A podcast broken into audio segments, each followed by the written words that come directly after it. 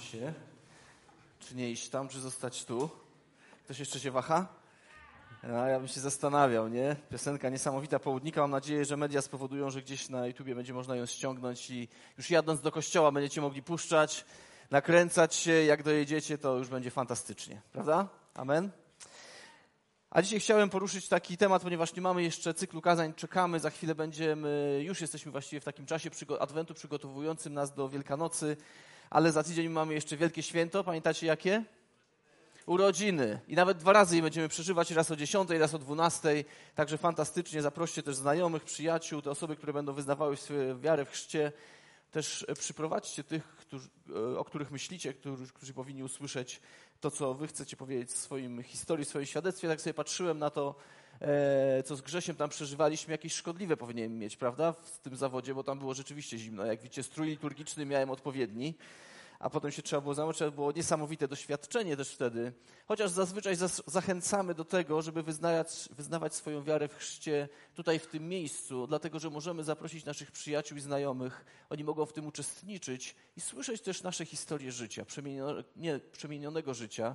Jakby nie miejsce ma znaczenie, aczkolwiek do niektórego miejsca ludzie przyjdą, a nad Solinę nie zawsze pojadą, prawda? Także tak sobie to wymyśliliśmy i tak też chcemy to praktykować.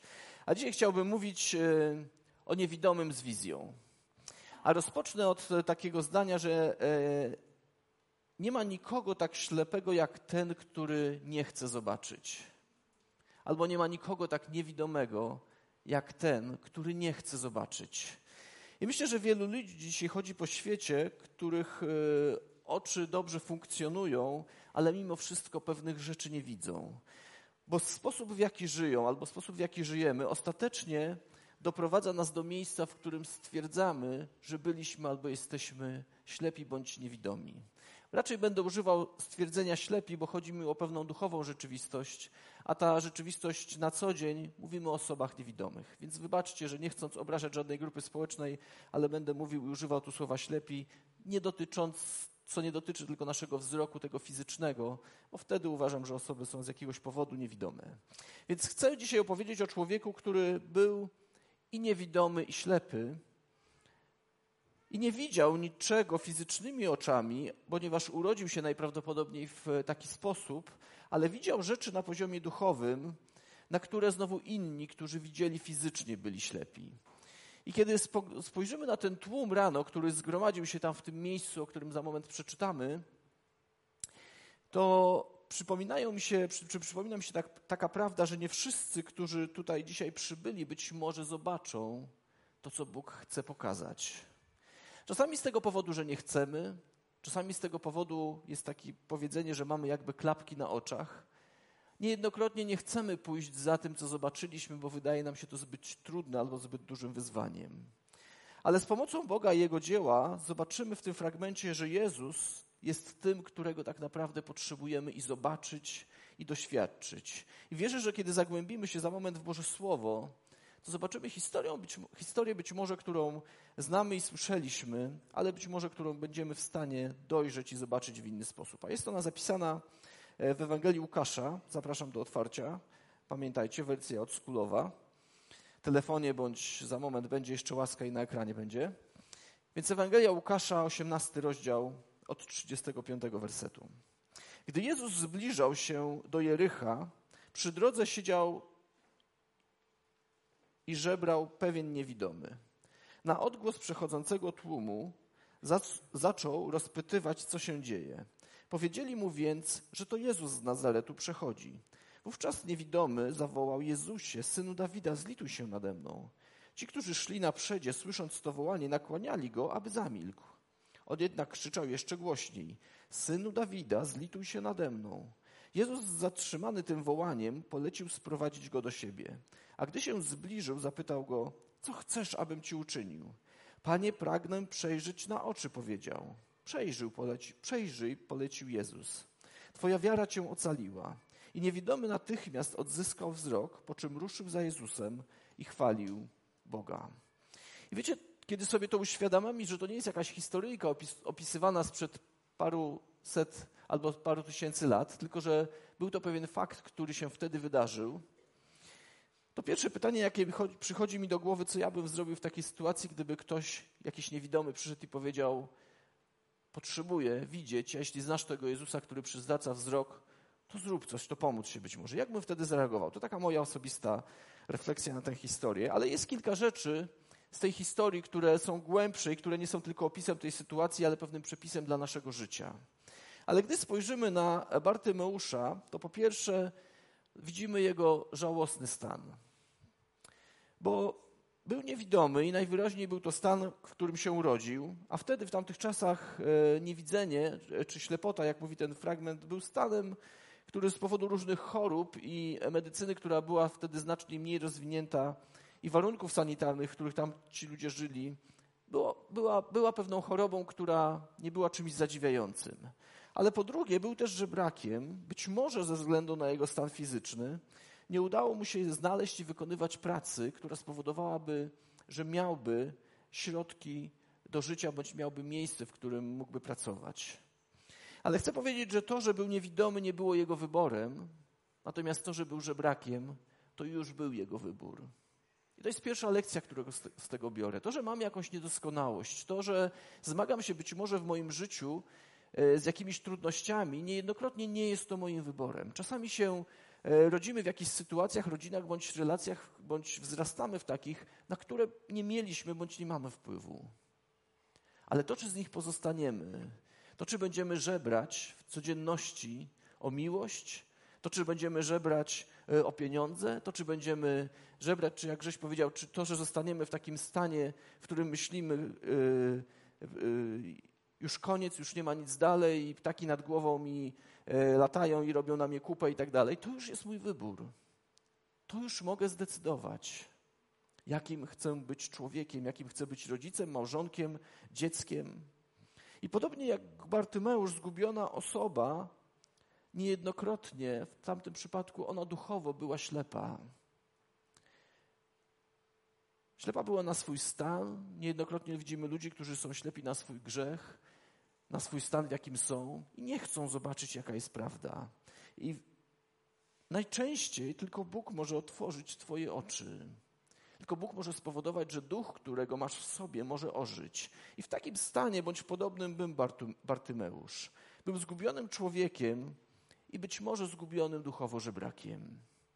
Ale w pewnym momencie widzimy, to jest druga lekcja, którą widzę, czy słyszymy bardziej, słyszymy jego krzyk. Mimo, że był ślepy, widział rzeczy, których inni wokół niego nie widzieli i nie mogli zobaczyć. Po pierwsze, on rozpoznał, kim był Jezus, choć nie mógł go dostrzec. Być może o nim słyszał, być może wiedział, że ktoś chodzi, kto uzdrawia, kto leczy, kto wypędza demony, ale nie miał możliwości do niego podejść, ani nie było kogoś, kto by zaprowadził go do niego. W, innym, e, w innej Ewangelii jest napisane, że tam nie siedział Bartymeusz, ale jeszcze z nim ktoś był niewidomy, czyli byli jakby we dwóch. Nie wiemy, który, czy było tak. Najprawdopodobniej przy świątyni wtedy więcej osób siedziało, które prosiło czy żebrało o coś, bo to był w pewien sposób ich styl życia. Ale ten Bartymeusz rozpoznał w tej osobie, która gdzieś szła w pewnej odległości Jezusa, bo słyszał o tym, czego on dokonywał.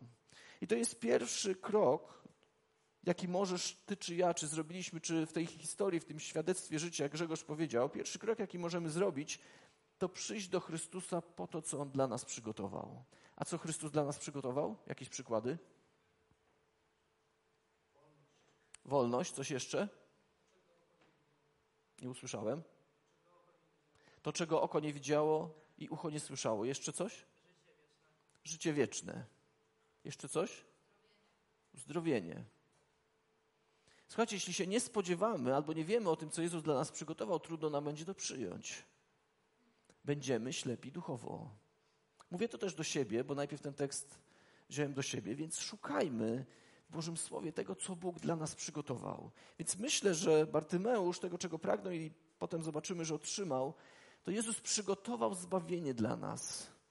Ratunek od wiecznego potępienia. I nie chcę nikogo straszyć ani piekłem, ani tego typu miejscem, ale ono jest i istnieje. Co prawda nie jest przeznaczone dla człowieka, ale jeśli nie wybierzemy nieba, jeśli nie wybierzemy drogi z Chrystusem, to pozostaniemy w miejscu braku wyboru. to pozostaniemy w miejscu, do którego nikt z nas nie chce trafić, ani którego Bóg dla nas nie przeznaczył. Więc powinniśmy rozpoznać, kim jest Jezus. Potem Bartymeusz uświadomił sobie, że Jezus coś mógłby zrobić dziś dla niego. On nie pomyślał sobie, no co prawda Jezus dzisiaj przychodzi, ale może poczekam, będzie szedł następnym razem. Nie. Bartymeusz okazywał wiarę w Jezusa, która była kluczowym składnikiem i jest kluczowym składnikiem otrzymania czegokolwiek od Pana Boga. W rzeczywistości widział pewne rzeczy, których wielu być może w naszym życiu możemy sami nie widzimy albo nie widziało, a niektóre możemy dziś zobaczyć. I kiedy patrzę dalej to, co zrobił, to zatytułowałem to sobie, że jego wybór to moja szansa, albo jego wybór to Twoja szansa. On zobaczył, że nadeszła największa szansa w jego życiu. To był taki deal życia. Pomyślał, że jeśli teraz się coś nie wydarzy, to być może nigdy się nie wydarzy, albo długo, długo się nic nie wydarzy. Miałeś czasami, czy masz czasami takie myśli? I nie mówię, kiedy przechodzisz e, koło totalizatora sportowego i widzisz tam kwotę, myślisz sobie albo dzisiaj, albo nigdy i wszystkie moje problemy się rozwiążą, bo chcieć powiedzieć, że nie wszystkie się rozwiążą. Niektóre nawet może by przyszły większe niż się możemy spodziewać. Ale są takie sytuacje w życiu, że myślisz sobie, jeśli Boże dzisiaj się coś nie stanie, Grześ to też ujął w świadectwie, choć nie słyszałem jego historii, powiedział w pewnym momencie, dzisiaj decyduję, że od dziś będzie inaczej.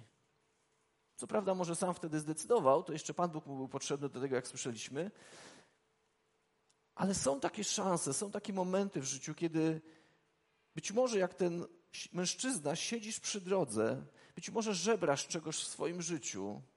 Nie chodzi mi o środki finansowe, ale masz takie, taką potrzebę, takie pragnienie, jesteś w, bez, w beznadziejnej sytuacji, być może wydaje ci się, że jesteś bezradny albo bezradna i wiesz, że gdzieś jest Jezus, że On gdzieś przychodzi, a ty siedzisz przy drodze, siedzisz w jakimś miejscu w swoim życiu. Bartymeusz siedział i uświadomił sobie, że jeśli Jezus był tym, za kogo się podawał, to jest to dzień największej okazji.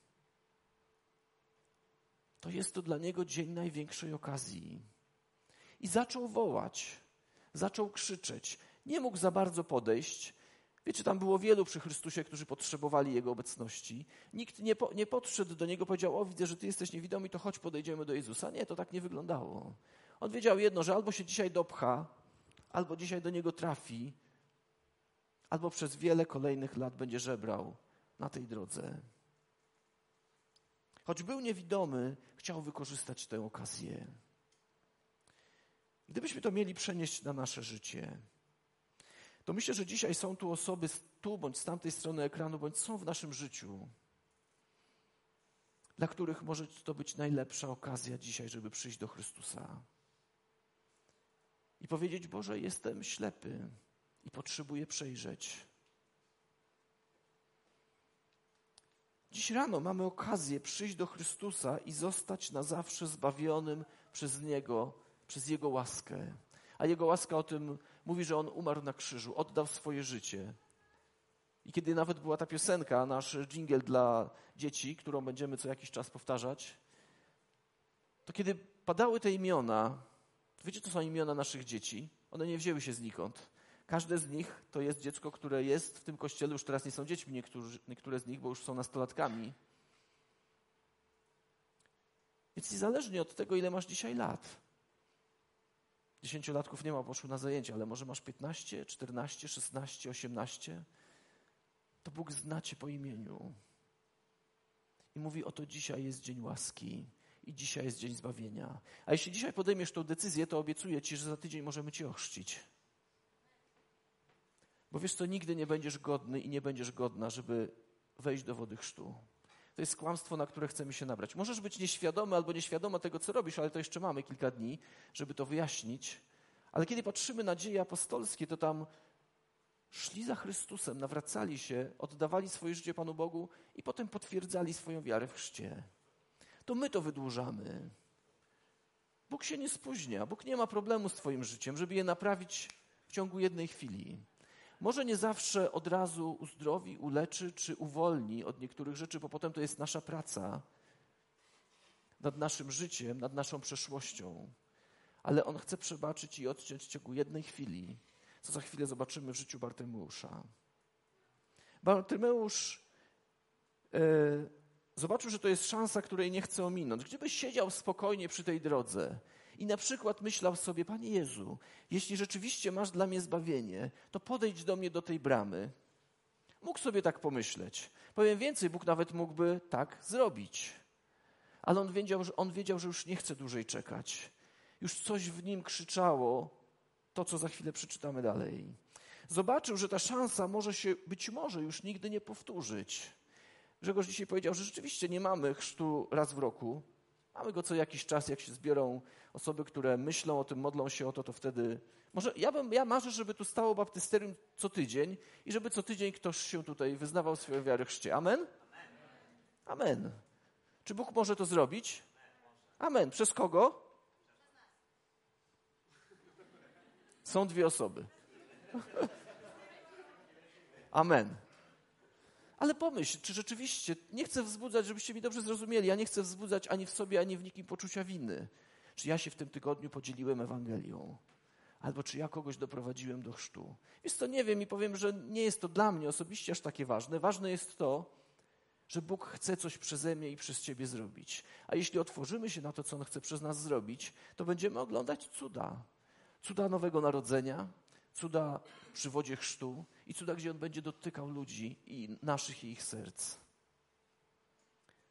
Więc jest szansa, dzisiaj jest szansa. Najwyraźniej Jezus nigdy nie przechodził tamtą drogą, gdzie siedział Bartymeusz, bo gdyby przechodził, to pewnie zrobiłby to, co czytaliśmy, że zrobił. Wiedział, że jeśli miał otrzymać pomoc od Chrystusa, to musiał wzywać Jezusa, kiedy ten był tak blisko. Tu powstaje pytanie, jak blisko Jezus jest dzisiaj Ciebie i mnie.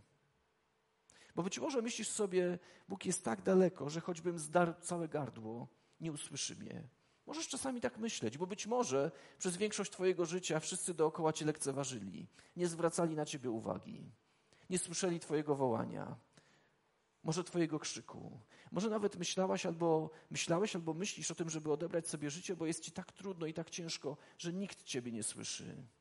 To chcę Ci powiedzieć, Jezus jest blisko i usłyszy i słyszy Twoje wołanie. Nie musimy kończyć życia. Niektórzy z nas żyją na co dzień, chodzą do pracy i funkcjonują, ale tak naprawdę w środku umarli. Niejednokrotnie w środku jesteśmy ślepi albo obracamy wśród, wśród ludzi, którzy są ślepi.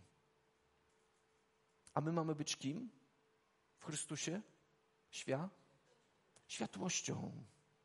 Mamy wskazywać na tego, do którego jeśli my zawołamy, bądź te osoby zawołają, to przyjdzie z odpowiedzią.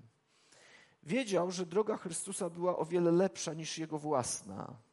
Bartymeusz o tym wiedział, że droga z Chrystusem była o wiele lepsza niż jego własna, bo jego własna doprowadziła go do tego, że żebrał, że był zdany na łaskę i niełaskę innych ludzi. Być może myślisz albo myślałeś tak o sobie. Więc droga z Chrystusem jest o wiele lepsza. Bo po zbawieniu nastąpi zmiana kierunku w Twoim życiu. Potem, kiedy spotkasz Chrystusa osobiście, nastąpi zmiana kierunku w Twoim życiu. Amen, tak jest? Ktoś spotkał Chrystusa w swoim życiu? Można teraz publicznie to wyznać, w kościele to bezpiecznie, nie? A tam się wszystko nagrywa. Żartuję. Jeśli spotkałeś albo spotkałaś Chrystusa w swoim życiu, to, to zmienia kierunek. Odwracasz się od czegoś na rzecz kogoś. Zostawiasz coś na rzecz czegoś lepszego. I wiecie, Bartymeusz raz zawołał, a potem powtórzył swój płacz po raz drugi. I ci, którzy szli obok, ci, którzy podróżowali z Panem, starali się, żeby Bartymeusz przestał wołać do Pana. Wyobrażacie to sobie? Siedzi człowiek, który mówi: Chrystusie, synu Dawida, zmiłuj się nade mną, a inni go uciszają, bo mówią, co powiedzieli? Pamiętacie z tego tekstu? Ucisz się, zacytuję może, żeby tu nie być, nie chodzić wokoło. Chyba, że ktoś ma otwarte. Ci, którzy szli na przedzie, słysząc to wołanie, nakłaniali go, aby, aby zamilkł. On jednak krzyczał jeszcze głośniej. Wiecie, nie daj Panie Boże, żeby ludzie wierzący byli tymi, którzy powodują, że inni przestają wołać do Chrystusa. Nie daj Panie Boże, żeby moje życie powodowało i sposób, w jaki mówię, powodowało, że inni zamilkną i nie będą wołać do Chrystusa, albo będę ich uciszał. Wiecie, jaki jedyny przykład, mam nadzieję, że już to dawno przeszliśmy i już mogę swobodnie o tym powiedzieć, że nam dzieci na nabożeństwach nie przeszkadzają. Amen? Nawet jeśli by tu teraz wpadło z krzykiem do mamy, bo się tragedia jakaś wydarzyła, bo klocek się przesunął gdzieś w inną stronę, albo ktoś mu zabrał, nam dzieci na nabożeństwie nie przeszkadzają. Powiem więcej, nawet osoby na emeryturze nam nie przeszkadzają. Nawet te w wieku lat 80 nam nie przeszkadzają. Nawet studenci nam nie przeszkadzają. Nawet nastolatki nam nie przeszkadzają. Dzięki Bogu, że są, że chcą tu być, bo to są już ich pierwsze wybory. I nie uciszajmy siebie nawzajem, powiem nawet więcej. Nawet od czasu do czasu, jak tam się ktoś z tyłu pojawi jeszcze z nie do końca dobrymi umiejętnościami i jest za głośno, to też nam to nie przeszkadza. Znaczy mi przynajmniej, a siedzę najbardziej z przodu, jest, jestem narażony najbardziej na utratę słuchu. Bo czasami jest za głośno, prawda? Nie byłeś na niektórych nabożeństwach. Nie, żartuję. Chcę tylko powiedzieć, że to, co mi przeszkadza w kościele, w zgromadzeniu ludzi wierzących, pytanie, czy to jest tak ważne, że mi coś przeszkadza. Oczywiście, jeśli bym tu głosił herezję czy ktokolwiek inny, to niech wam to przeszkadza. Nie mamy tej zapadni, ale kiedyś ją tu stworzymy, że wtedy każdy będzie miał przycisk i stwierdzi, nie, nie, nie, ja się z tym nie zgadzam. Myślę, że bym tak się wysuwał i pojawiał co jakiś czas. To mogłoby się tak skończyć, więc nie będziemy mieli przycisków. A teraz już poważnie, naprawdę, gdyby ktoś tutaj albo na jakimśkolwiek innym spotkaniu w tym kościele, nie tylko w tym, odchodził od Bożego Słowa, to to nam ma przeszkadzać to ma nam wiercić w dziurę w brzuchu. Sami mamy szukać po to, żeby obronić się w tego, w kogo wierzymy i jak wierzymy. Ale nie przeszkadza nam to, jak funkcjonujemy, bo pomyśl sobie o swojej rodzinie, jeśli ją masz własną, bądź jeśli urodziłeś się w jakiejś. Czy kiedyś przeszkadzało ci twoje dziecko, w tym sensie, że chciałeś powiedzieć, dobrze, już nigdy więcej nie wracaj do domu? Jeśli tak, to Bóg musi zrobić coś z twoim sercem. Czy kiedyś przeszkadzał ci rodzic, tu wchodzę na niebezpieczne wody, może ci przeszkadzał, ale po paru dniach zaczniesz mieć silną potrzebę i głód spowoduje, że dobrze, gdyby wrócił. Nie, mówię teraz poważnie. Dzieci kochają rodziców i nastolatkowie, i rodzice kochają dzieci i nastolatków. Może nie zawsze umiejętnie, bo uczymy się tego od siebie nawzajem w różnych okolicznościach przyrody. Ale Bartymeusz powtórzył ten swój płacz przed Bogiem i nie przestał wołać. Nie zważył na okoliczności, na ludzi, którzy chcieli go uciszyć, ale nie przestał wołać. Potrzebował czegoś od Pana i był tak zdeterminowany, żeby to zdobyć, że niezależnie od tego, co ktoś pomyślał lub zrobił. Tego sobie i każdemu z nas życzę w naszej wierze.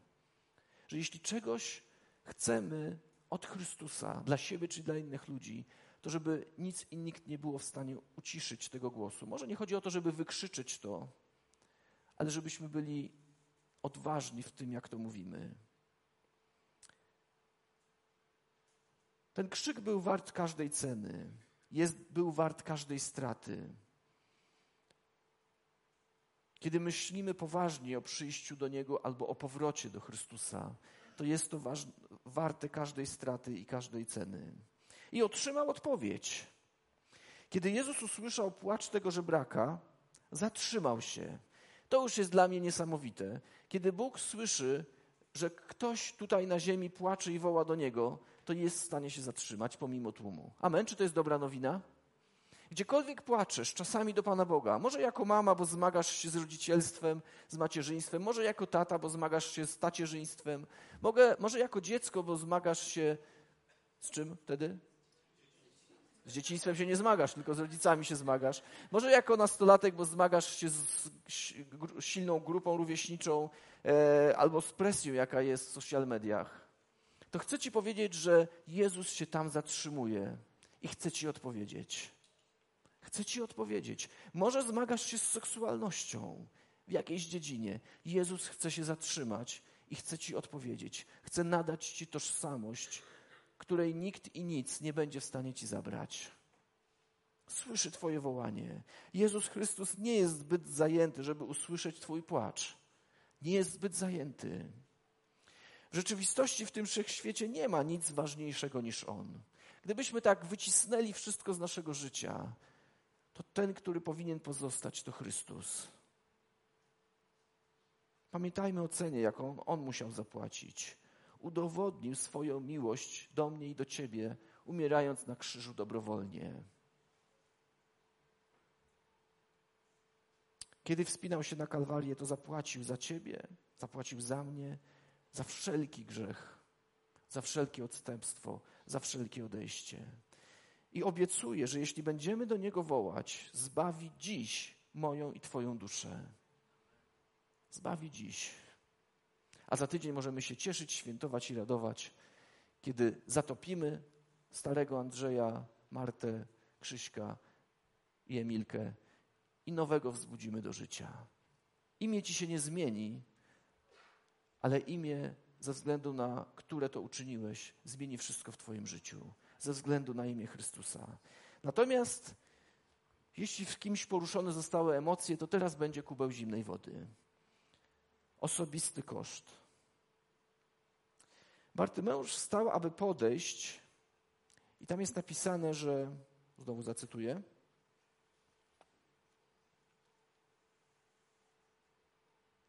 Jezus zatrzymał się, zatrzymany tym wołaniem, polecił sprowadzić go do siebie. A gdy on się zbliżył, zapytał go, co chcesz, ażebym ci uczynił. Nie, to nie w tym, w Ewangelii Marka, przepraszam. Jest napisane, że odrzucił swoją szatę. Ten sam fragment, tylko w Ewangelii Marka, nie w Łukasza.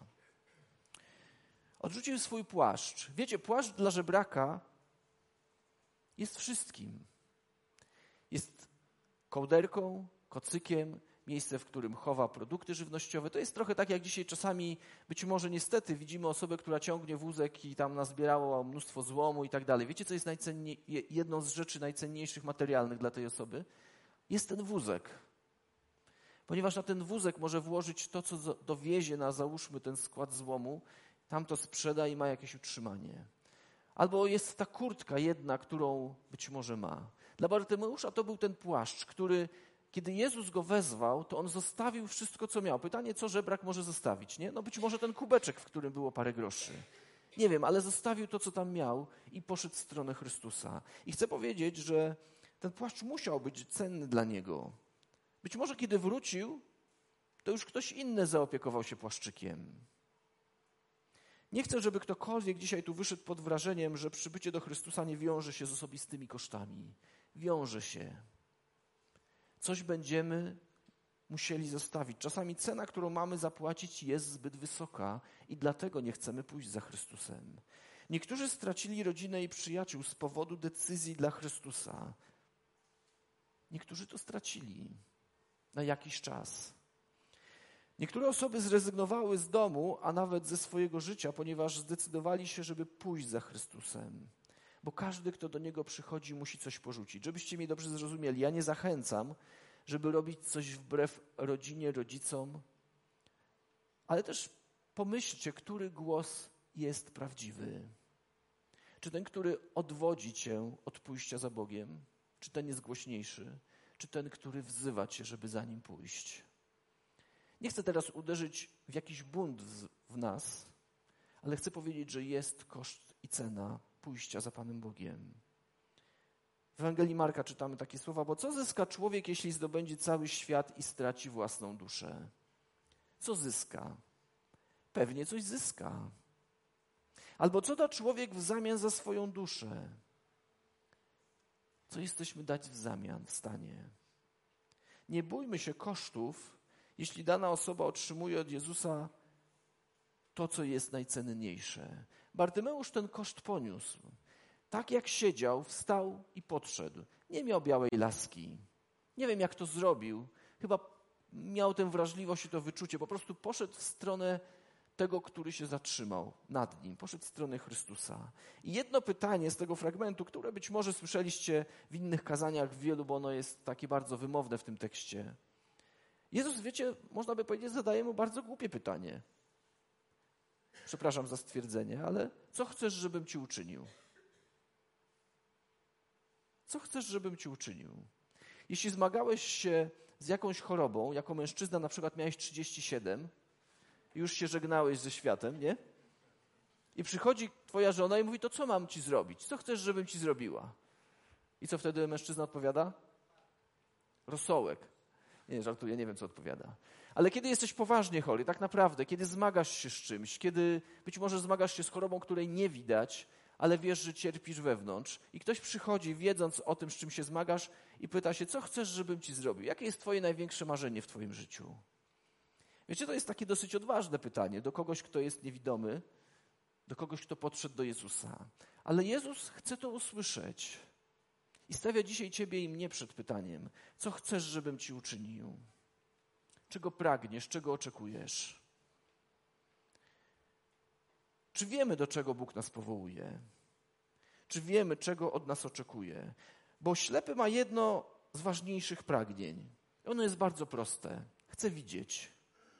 Zakochany ma jedno z prostych pragnień. Chce wzajemności. Oddany chce wierności. Głodny chce jeść. Zmartwiony chce pocieszenia. Biedny chce zabezpieczenia. Samotny chce zainteresowania Zmęczony chce odpoczynku, grzeszny chce przebaczenia, dobry chce bliskości, a smutny chce radości. A czego chcesz Ty dzisiaj od Jezusa? Czego dzisiaj chcesz? Jezus zadaje Ci to pytanie. Jakie dzisiaj masz pragnienie? Jakie dzisiaj masz pytanie do Jezusa? Po uzdrowieniu Bartymeusza on chciał być blisko tego, który go uzdrowił, uratował. On chciał być blisko tego, który dał mu wyzwolenie. Pewnego dnia chrześcijanin i komunista siedzieli na ławce w parku i obserwowali świat. I naraz zobaczyli, gdy tak patrzyli, że przechodził pewien ubogi żebrak, ubrany w szmaty po tym parku.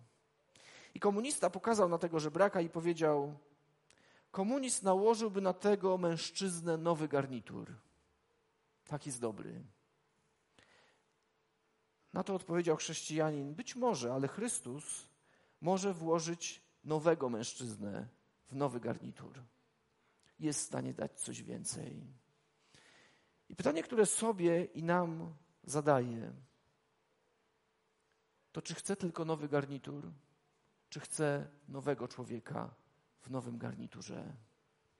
Można by powiedzieć, że oczywiste, że chciałbym nową rękę, nowe serce, ale Jezus w stanie jest nam to dać. Może jak masz lat 80, no nie da ci już ciała 30-letniego mężczyzny czy kobiety, choć dalej możesz być silny, mądry i dający innym. Może kiedy masz lat 15, myślisz sobie, co ja mogę. Masz te same usta, te same uszy, ten sam wzrok, który jeśli poddasz Chrystusowi, to On poprowadzi cię w miejsca, których oczy nie widziały i uszy nie słyszały.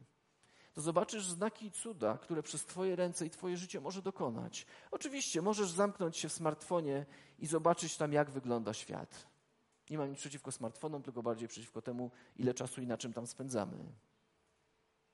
Bądź możesz pomyśleć, jeśli podniosę swój wzrok o 5 centymetrów, to może mogę zobaczyć znaki i cuda, które Bóg chce dokonać przeze mnie.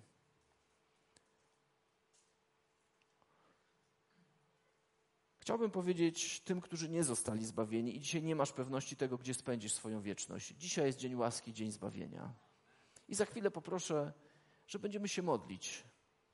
Jeśli chcesz, to, to, jeśli chcesz się modlić, to chciałbym, żebyś się modlił, taką czy modliła, taką modlitwą. Może oddaję Ci moje życie, bo chcę, żebyś uczynił to, żebym miał spokój ponad ludzkie myśli, żebym miał przebaczone i żebym wieczność spędził z Chrystusem w niebie. Może potrzebujesz takiej modlitwy, ale chcę również, chcę również powiedzieć do tych, którzy zostali zbawieni, że wielu świętych Bożych krąży wokół jak ślepi żebracy. Jeśli jesteś zbawiony, nie powinieneś żyć jak grzesznik. Jeśli w Twoim życiu są rzeczy, które trzeba naprawić z Bogiem, to dzisiaj jest dzień naprawy. Dzisiaj Boży warsztat jest otwarty. Wjeżdżaj. On chce cię naprawić. Ma najlepszego mechanika, jakiego można sobie wyobrazić, swojego Ducha Świętego, który przyjdzie i w najlepszy sposób, w jaki możliwy jest. Część dokręci, część odkręci, a część wymieni. Co do małżeństw, nie potrzebujesz lepszego modelu albo lepszej modelki. Wystarczy, że wpuścimy Pana Boga i Ducha Świętego i On przemieni Twoje serce tak, że zaczniesz inaczej patrzeć, jak na nowego modela, jak na nową modelkę. Nie potrzebujesz nowych rodziców. Potrzebujesz modlić się o Twoje serce i o rodziców serce, żeby Bóg tak to przemienił, żeby kiedy inni przyjdą do Twojego domu, to powiedzieli: Chciałbym z nimi zamieszkać. Słuchajcie, to jest możliwe. To nie są takie, wiecie, emocjonalne wynurzenia pastora, tylko wierzę, że to jest możliwe. Ze względu na to, że jeśli Bóg zwrócił wzrok Bartymeuszowi, to dlaczego nie miałby czegoś w naszym życiu dokonać, jeśli do Niego wołamy? On nie jest głuchy. I zakończę ostatnie zdanie. Dwa ostatnie, przepraszam. Jezus przechodzi i proszę nie pozwólmy, żeby dzisiejsza szansa przeminęła. Przyjdźmy do Niego i bądźmy zbawieni, uzdrowieni i uwolnieni z tego, czego potrzebujemy. A ostatnie zdanie: nie ma nikogo tak ślepego jak ten, który nie chce zobaczyć. Czasami potrzebujemy współmałżonka, żeby nam zdjął klapki z oczu. Ja tego doświadczam, prawda? Czasami mojej żony potrzebuję i ona wie, co mi powiedzieć, żeby mi klapki z oczu na niektóre sytuacje opadły. I opadają. Teraz do mężczyzn, to miało być ostatnie zdanie, ale się rozkręciłem. I opadają klapki i wtedy czuję się jak facet w samych gaciach. Taki, wiecie, nikt nie chciałby z was, żeby was takimi zobaczyć, nie? Albo potrzebujesz męża, żeby ci powiedział, wiesz co? Już dosyć zabawy. Chciałbym, żebyśmy nasze życie poukładali po Bożemu. Nie wiem, jak kobieta się czuje, kiedy zawstydzona, ale nie chciałabyś, żeby cię tak ktoś zobaczył.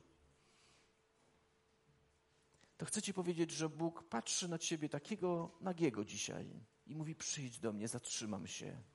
Dam ci nową szatę, dam ci nowe myśli, dam ci zbawienie, jeśli dzisiaj go potrzebujesz.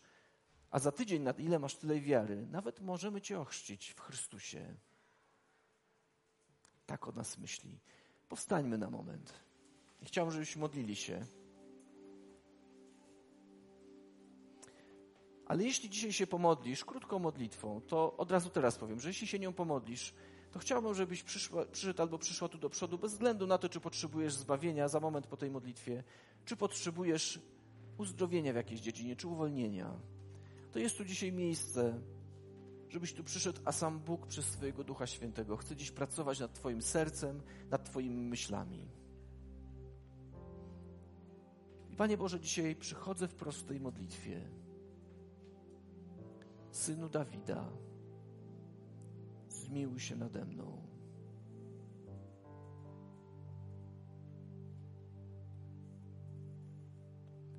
Synu Dawida, zmiłuj się nade mną nad moim grzechem. Zmiłuj się nade mną nad moją samotnością. Zmiłuj się nade mną nad moim smutkiem. Zmiłuj się nade mną nad moim grzesznym życiem i stylem życia. Zmiłuj się nade mną nad złym sposobem myślenia o mnie samej albo o mnie samym. Zmiłuj się nade mną, bo się wstydzę ale nie na tyle, żeby przyjść do Ciebie.